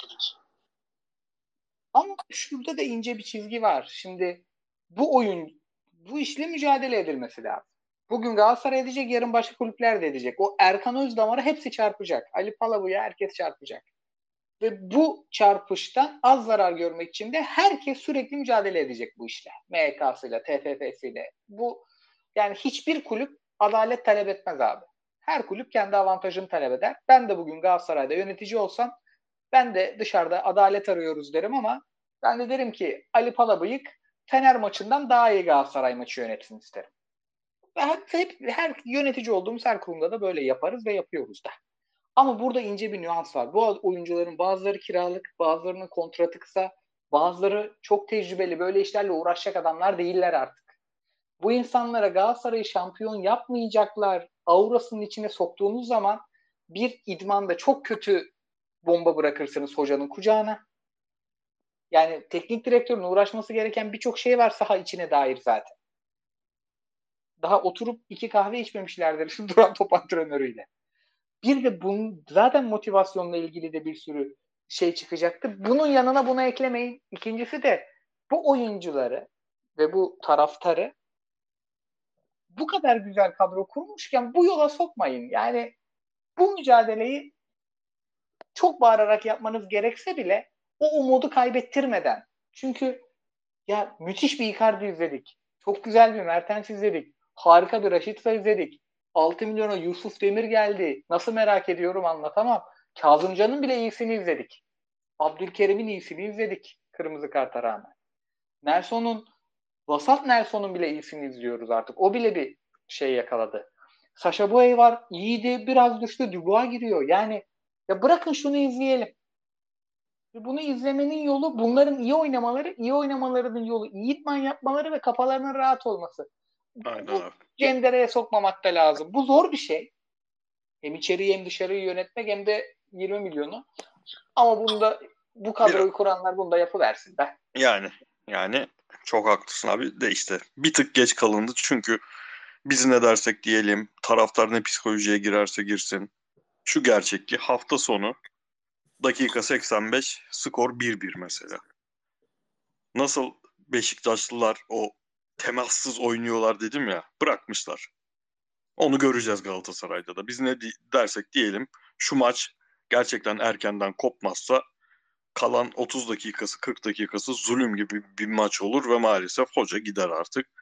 O o kısım bir, bir tık erken açıldı yani bir tık erken girildi o psikolojiye. E, bu da biraz şey çok etkiledi yani. Oyuna bakıyor abi insanlar. Sanki herkes skor odaklı yaşıyormuş gibi konuşuluyor da yok bu ülkenin futbol, düzenli futbol izleyen insanı oyuna bakıyor ve Kayseri maçı çok büyük kırılma oldu insanlarda. Kayseri maçı, hoca Kayseri maçında kaybetti bu takımı maalesef. Yani ümit edelim şey olsun. Bu sefer 3 evet. senedir bu takımda işler kötü giderken her şey kötü gitmeye başlıyor. Bir defa da tam tersi olsun. Oyun olmasa bile skor gelsin. Şu an skor önemli. Aynen katılıyorum. Ya. Skor gelmeden hiçbir şey abi e, rayında gitmez yani. Kazan, kötü oynasan da kazanacaksın. Fransa 98'i Eme Jacket kazandığında bütün medya yerden yere vurmuş. Bu nasıl futbol işte Zidane'lar, Karamböyler, Gözayılar, Vieira'lar, şunlar bunlar hepsi var. Adam da kupayı kazandıktan sonra yine eleştirmişler yani. Düşün. Ama skor işte aldı. Kupayı aldı adam işte. Neticede her şey skordan geçiyor. Sonradan da özür dilemişler. Siz haklıymışsınız diye adamdan. O zaman son çok uzattık biliyorum da. Bir Hatta de Fener'den... katılıyorum abi hemen. Onu da ekleyeyim. Okan Hoca'ya Kayseri'de birçok şeyi kafada kaybet, kaybetti. Yani o noktaya geldi mevzu. Çağdaş Atan çünkü çok e, çıkar, çıkar, karşısında çıkartan kadroya karşı iyi bir değerlendirme yaptı ve sonuca gitti. Bütün bu ekseriyetle olan şeye rağmen her şeyden önce camianın eski futbolcusu her şeyden önce Fatih Hoca ile bir hukuku var ve şu an Fatih Hoca da masayı sallamıyor yani. Ha. Fatih Hoca masayı salladığı zaman bilirsiniz yani o sesi. Tudor zamanı nasıldı? Yani şu an Fatih Hoca hiç denklemde bile yok. Vadi İstanbul'un ışıkları o gece hiç sönmedi. Abi Şansal Büyük'a lamba gibi çakardı yani manşete. Şansal Büyük'a lamba gibi çakardı Fatih Terim'le ilgili insider'ları veya işte İbrahim Seten veya bir başkası. Şu an öyle bir ortam da yok. Abi bir şey diyeyim mi?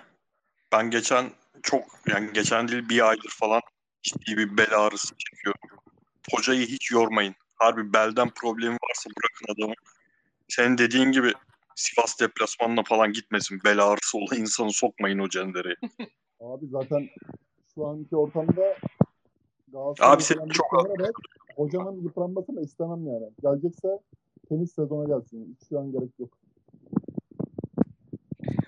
O zaman şey de var. Şimdi Galatasaray bir ARGE departmanı kuruyor ki Önder Özen e, geçen sene bir yayında Sokrates'teki bir yayında söylemişti. Sportif direktörlük konuşulurken işte hocam yapar mısınız geri dönmek ister misiniz sorduklarında böyle bir görüşme yaparken önce ARGE departmanı kurup 5 sene bu departmanı geliştirmekle uğraşır mısınız diye bir sorarım diye girmişti. Ben ilk defa o zaman tanık oldum. Böyle bir departmanın futboldaki varlığıyla. E, oraya da Fatih geldi. Fatih'i ben e, rahat rahat Fatih diyebiliyorum. Oturmuşluğumuz, sohbet etmişliğimiz var. Çok da severim. E, 10 yıla yakındır tanıyorum. Yani birlikte oturup bir kahve içerken Philip Lam arar Fatih'i. Yani öyle bir çevresi de olan işkolik, çok çalışkan hatta hani insanlar birbirlerine uzun süre tanıdıktan sonra tavsiyeler verirler. Abi seni kendinden korumak lazım. Biraz temponu ayarlaman lazım. Çok fazla işle uğraşıyorsun demişimdir hep ona. Bu bir şey, bir e, işte antrenörlerin gelmesi, işte duran topla ilgili, şunla ilgili, bununla ilgili yani bir şey yapılmaya, bir yapılanma kurulmaya çalışıyor.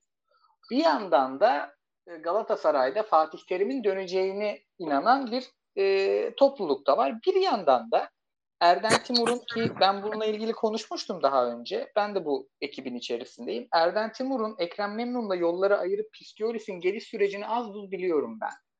Ee, Erden Timur bu tarz kararları hızlı alıp işte orada Barış Nane ile yapıyorlardı diye biliyorum. Hızlı alıp hızlı uygulamaya koyan bir Galatasaray o sezonu bayağı iyi bitirdi baskette. Yani çok kişi keyifli izledi o Isaiah Cannon'lı 3 kısalı takımı. Burada da böyle hızlı bir değişiklik ihtimalini de gören bir klik var. Bir de ya madem bir yapılanma kuruyorsunuz ve seçimde bir hocayı getirdiniz o hocayla devam edelim diyen de bir klik var. İşin kötü tarafı bu klik en azınlıkta olan klik. Kıyıcı hocam siz hangisine yakınsınız? Ben tamamıyla Fatih Hoca'nın denklem dışında kalıp sezonu Okan Buruk'la e, bitirme kliğine yakınım. Çünkü madem ki bir fırsat verdin sonuna kadar bak 3 hafta zaten 3 haftadan çıkamazsa Dünya Kupası arası bir ay bir defa. Bütün herkesin planı programı değişti. Dünya Kupası arasında bak gör nasıl sallanacak o Süper Lig'deki teknik adamlar. Biz de sallanacağız baya. Ya, yani aynen. Ee, o yönden Okan Buruk kendi kaderini kendi çizsin abi. Bir şey dışarıdan Fatih Hoca yangını yapmaya gerek yok. Bırakın bir bakın yani. Bina düşüyor mu?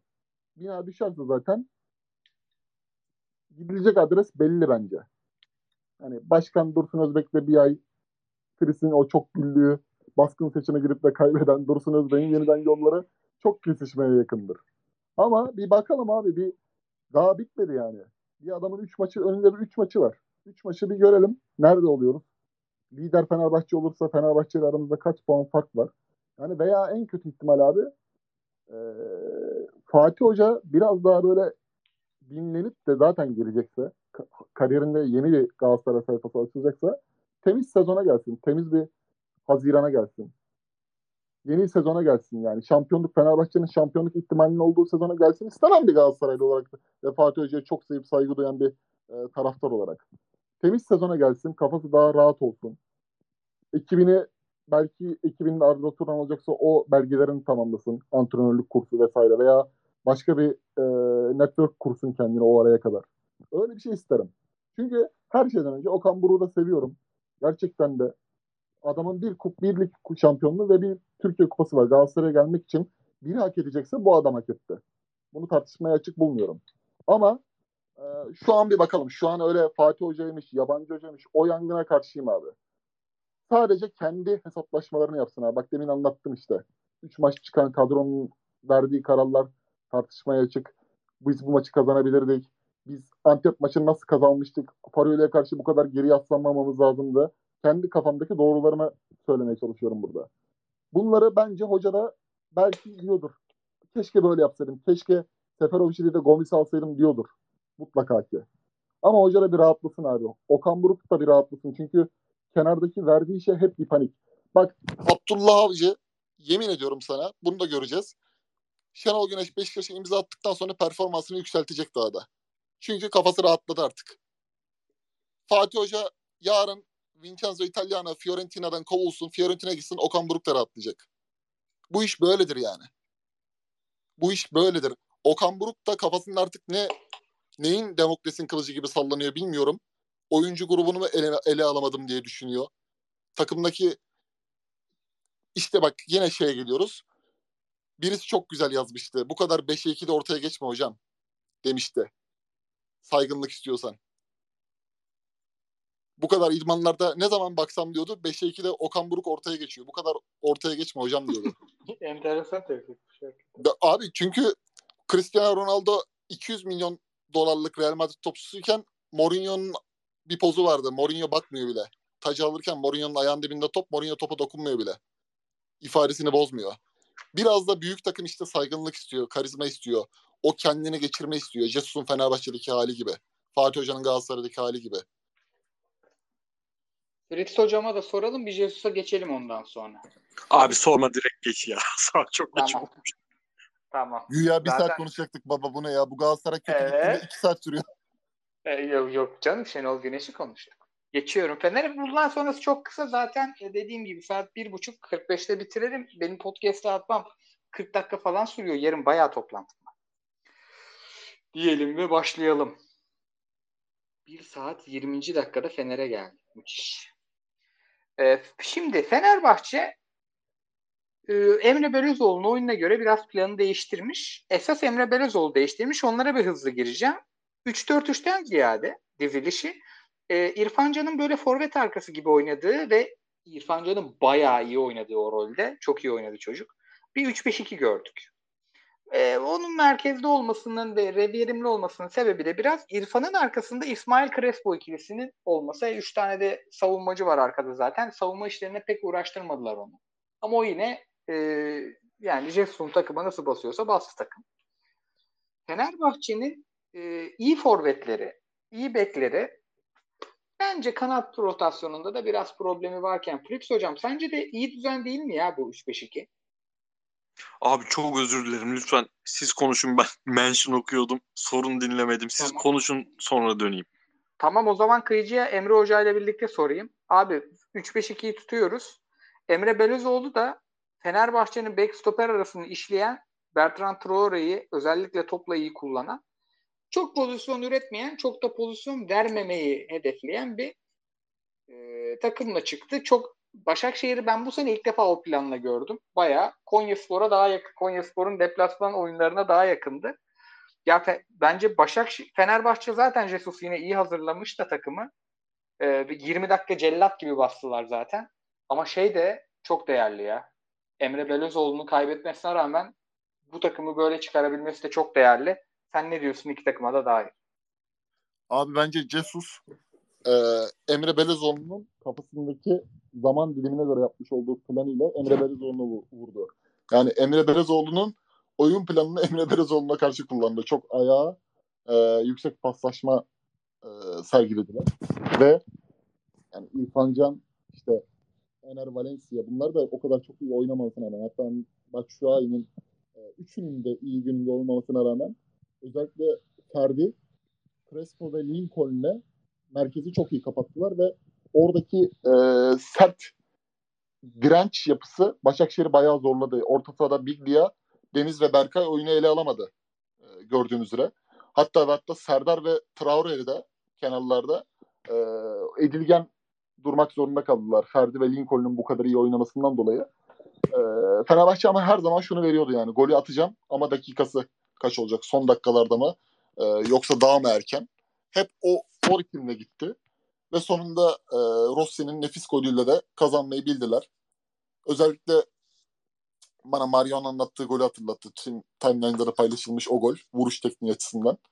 Ee, durdu ya. Jesus'la ilgili abi her zaman şunu söylüyoruz. Şu ana kadarki vermiş olduğu performans ve izlenim bütün oyuncularını hazır tutuyor. Hem UEFA Avrupa Ligi hem de Süper Lig. Hatta ve e, Türkiye Kupası'nda da bunu yapacak. Bazı oynamayan küstü, küskün oyuncuları da orada değerlendirecek. E, bu en önemli avantajı. Çünkü Galatasaray mesela her zaman dar kadro ve doğru kadro biçimiyle şampiyonluk yolunda iddialı olmuştur. En, en önemli, en belirgin hali 17-18'dir mesela Fatih Hoca'yla. Fenerbahçe'de şimdi geniş kadro ama geniş kadroya göre e, doğru kullanımla bunu başarıyor. 2000 yılının Fenerbahçesi mesela Mustafa Denizli sezona çok benzetiyorum ben. Orada da mesela Revivo, Rapayic, işte Serhat, Anderson çok silah vardı ve doğru kullanıyorlardı. Hani Balic bile o kadroya giremiyordu formsuz olduğunda. Ee, burada forma adaleti tartışmasını da bitirdi Jesus. En önemlisi bu. Bir de hani ligi bilen teknik adam şeyini yıktı yani. Adam ben Portekiz'den de gelsem, El Hilal'den de gelsem, Flamengo'dan da gelsem e, rakip analizlerini izlediğim zaman kendi oyunumu oynarım diyor. Bunu veriyor yani. Şimdi herkes Jesus'a önlem gibi hazırlanıyor. E, Jesus'a karşı ekstra e, dikkatli oluyor. O saygınlığı getirdi kendine. O yönden Fener'de işleri iyi yani. Özellikle yarın Rennes maçı çok önemli olacak. Başakşehir ve Rennes maçında alınan iki tane altı puan Fenerbahçe'nin ivme almasını da sağlayabilir ki dediğimiz gibi fikstürü zaten kolay Dünya Kupası arasına kadar. Çok böyle anormal bir e, sakatlıklar şey olmaz olmadığı müddetçe Zirve'nin şu anki gözüken favorisi ve bunu yıkmak için de özellikle şam, diğer şampiyonluk adaylarının Fenerbahçe'ye karşı mutlaka galip gelmesi veya e, yenilmemesi lazım abi son nefeste. Yani bu Trabzonspor, Galatasaray, Beşiktaş, Fenerbahçe oynadığı maçlarda e, çok daha dikkat etmek zorunda abi. Çünkü Kadıköy gerçekten o dağımlı sezonlardaki cehenneme dönmüş büyük maçlarda. Hakikaten. Ee, o zaman burayı da ufak ufak Adana Konya Adana Demir Konya'ya bağlayayım mı? Fritz hocam Ren maçına dair bir şeyler söylemek ister misiniz? Abi yayın başında söylediğimi tekrarlayayım. Yani ben gerçekten Fenerbahçe'nin bu maçı kazanırsa şimdi Ren'in de formunu falan düşünürse düşününce o ufak tefek kalan kıyıcının söylediği ulan fazla iyi gidiyoruz bir sıkıntı olması lazımdı niye olmuyor falan o psikolojiyi de eşik olarak atlayacaklarını düşünüyorum. Artık birinci çıkmak da müthiş önemli buradan. O hani rakipler genelde şey düşünür ya Avrupa, Ligi'ndeki takımlar için. İyi gitsinler birazcık da çok maç yapıp lig, lige konsantre olamasınlar falan. Direkt onu elemine etmiş oluyorsun. Bir tur bir tur oynamayacak Fenerbahçe lider çıkarsa. O açıdan çok kritik olduğunu düşünüyorum. Onun dışında ya her hafta beklentimi farklı şekillerde aşıyor. Şimdi Kıyıcı şeyi söyledi. Geniş kadro gerçekten hiç beklemiyordum ve bu geniş kadroyu kullanırken de şey hatasına düşmedi. İlk haftalar bence düşüyordu. Sonra onu toparladı. Böyle aynı anda 4, 5, 6 oyuncu değiştirerek oynama hatasına düşmüyor. Çok kilit yerlerdeki oyuncular hep sabit ve beklenmedik oyuncular. İşte Lincoln gibi oyuncular falan. Çok beklenmedik şekilde onları düzenli şekilde takımın kimliğini değiştirmeyecek ama rakibe de rakibin oyununa göre de özel bir plan belirleyecek şekilde kullanıyor. Hani sezon başı şey sorusunu sordurmuştu bana. Evet 10 sene önce olsaydı bu ligin içinden geçerdi bu adam yani. Tam bu ligin hocası dediğimiz Roger Schmidt'le beraber senelerdir beklediğimiz adam acaba geç mi geldi diyorduk. Hani Brezilya'da biraz köhneleştirdi mi hocayı falan diyorduk. Yok olmamış. Yani tamamen şeye bakacak bu iş. Ee, kaç puan farkı koyacaklar devreye ona bakacaklar belli ki. Hani şeye katılıyorum. Evet öyle bu kadar övdüğümüz kadar belki oyun içinde e, şey değiller. Böyle bir 30-40 dakika oynuyor Fenerbahçe. Sürekli 7 yiyecek, 7 yiyecek havasını veriyor. Ama nihayetinde de kazanmayı başarıyor. O ba- başka bir e, teknik direktörlük, başka bir takım kimyası işi onu tutturdu böyle az konuşulması yayınlarda Fenerbahçe'nin her zaman iyidir abi. Fenerbahçeli olsam onu istiyorum. Az konuşulsun bizim takım. Az konuşuluyorsa iyi çok iyi gidiyordur her şey diye düşünüyorum. 45 dakika Beşiktaş konuştuk abi. öyle abi öyle. Ya mesela adam Lincoln'ü bile abi ortada oynatınca adam al ver top topu verdiğin zaman mesela geri alabileceğini biliyorsun. Topu kaptırmıyor. Topu çok iyi e, koruyor. Topa sahip çıkıyor mesela. Topun mülkiyetini aldığı zaman sana da pozisyon yaratabiliyor hatta öne oynadığında. Bak, Topu bak... mülkiyeti deyince herkesin gözlerde İbrahim Altınsay hocamız canlanmıştır. ho- hocamı özledim harbi ya. Beyin keşke transfer etse. Net özledim abi. Çok yakışır. Çok yakışır. Ee, bir de abi mesela bu maçta oyuncuları eşleştirdiği zaman da kendi oyuncusu rakip oyuncuya karşı diş geçiriyor. Mesela bu maçta e, Traore'yi bitirdi yani Lincoln kanatta oynadığında. E, Alioski diye bir adam geldi abi sana Leeds United'da bomba gibi oynayan topçu. Aa şeyi söylemedim. Takip Oynamıyor yani. Ya. Oynayamıyor.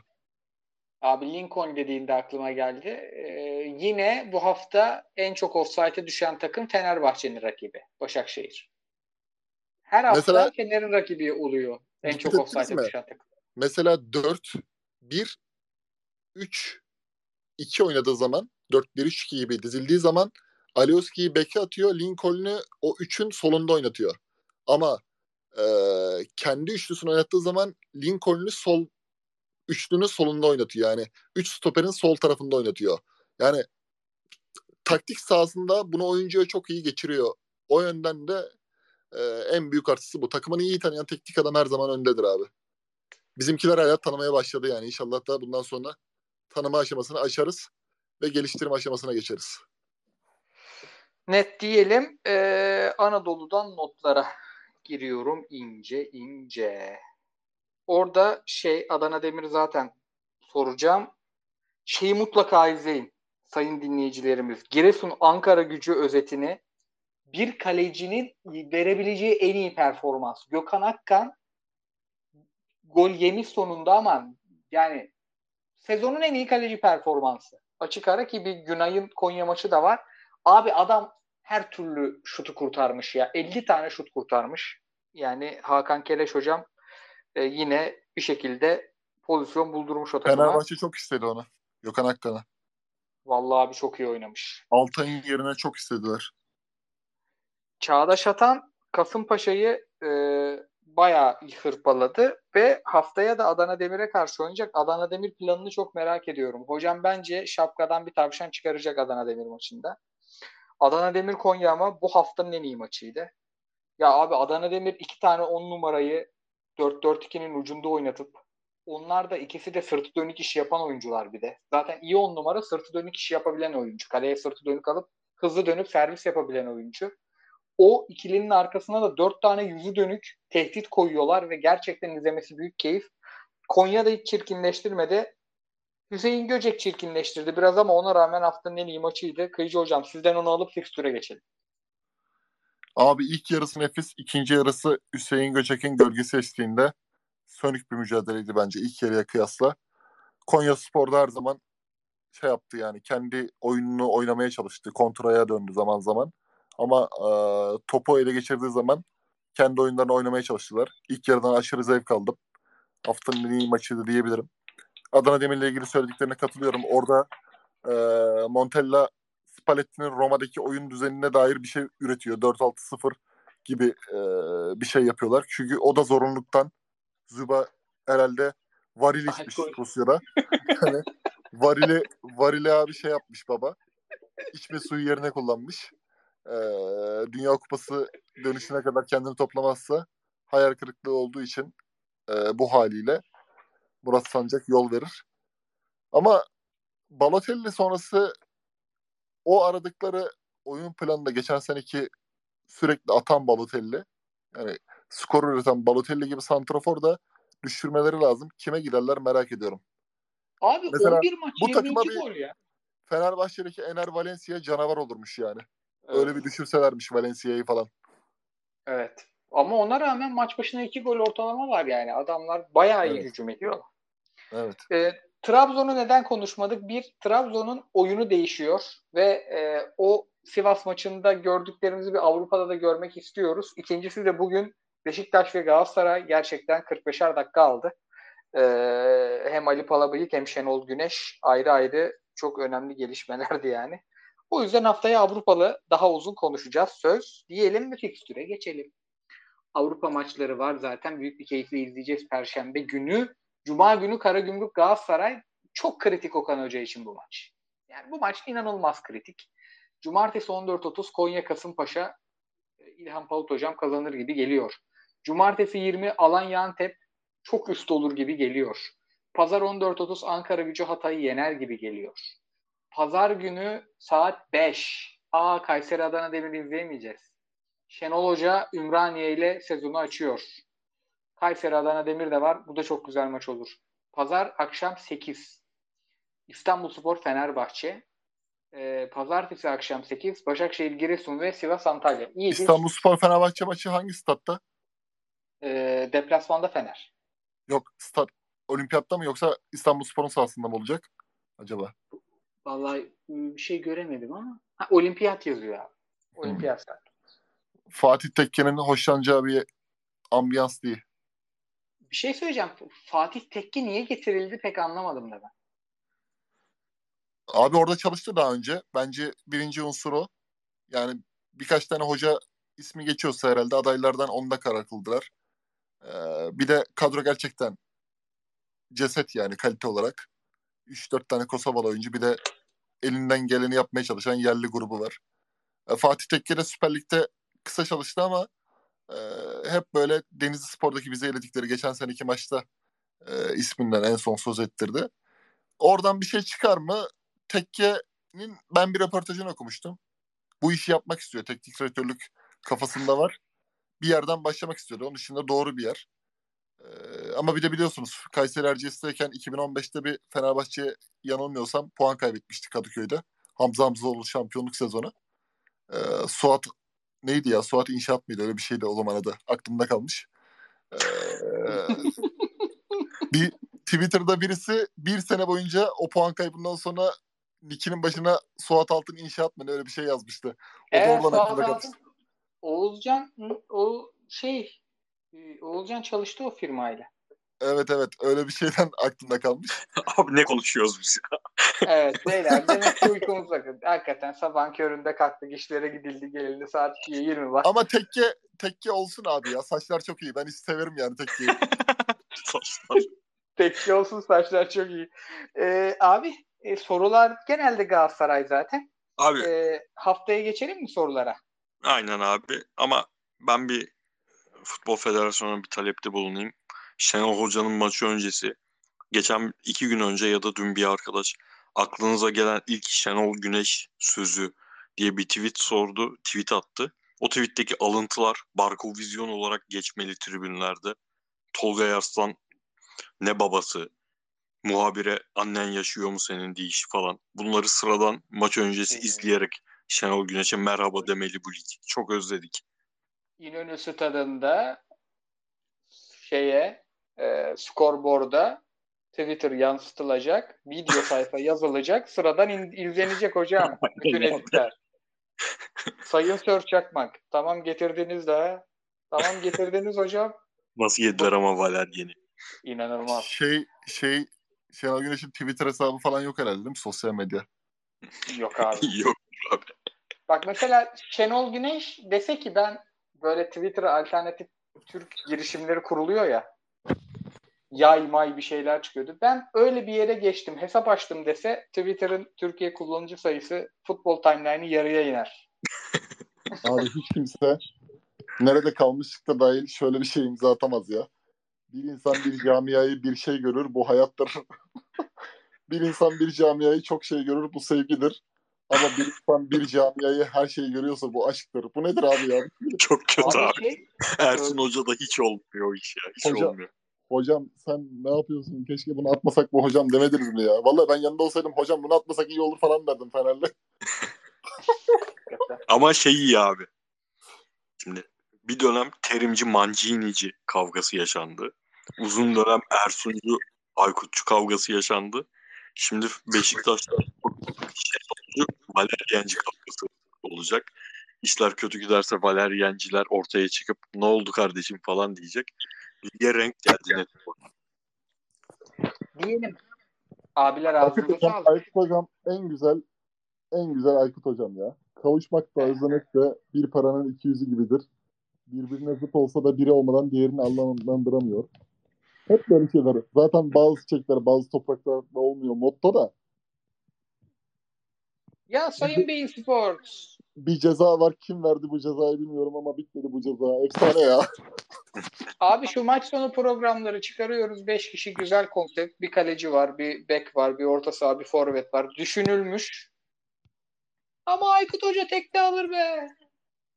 Abi çok iyi ya. Akıl sağlığımı kaybetmezsem bu durumu düzelteceğiz falan.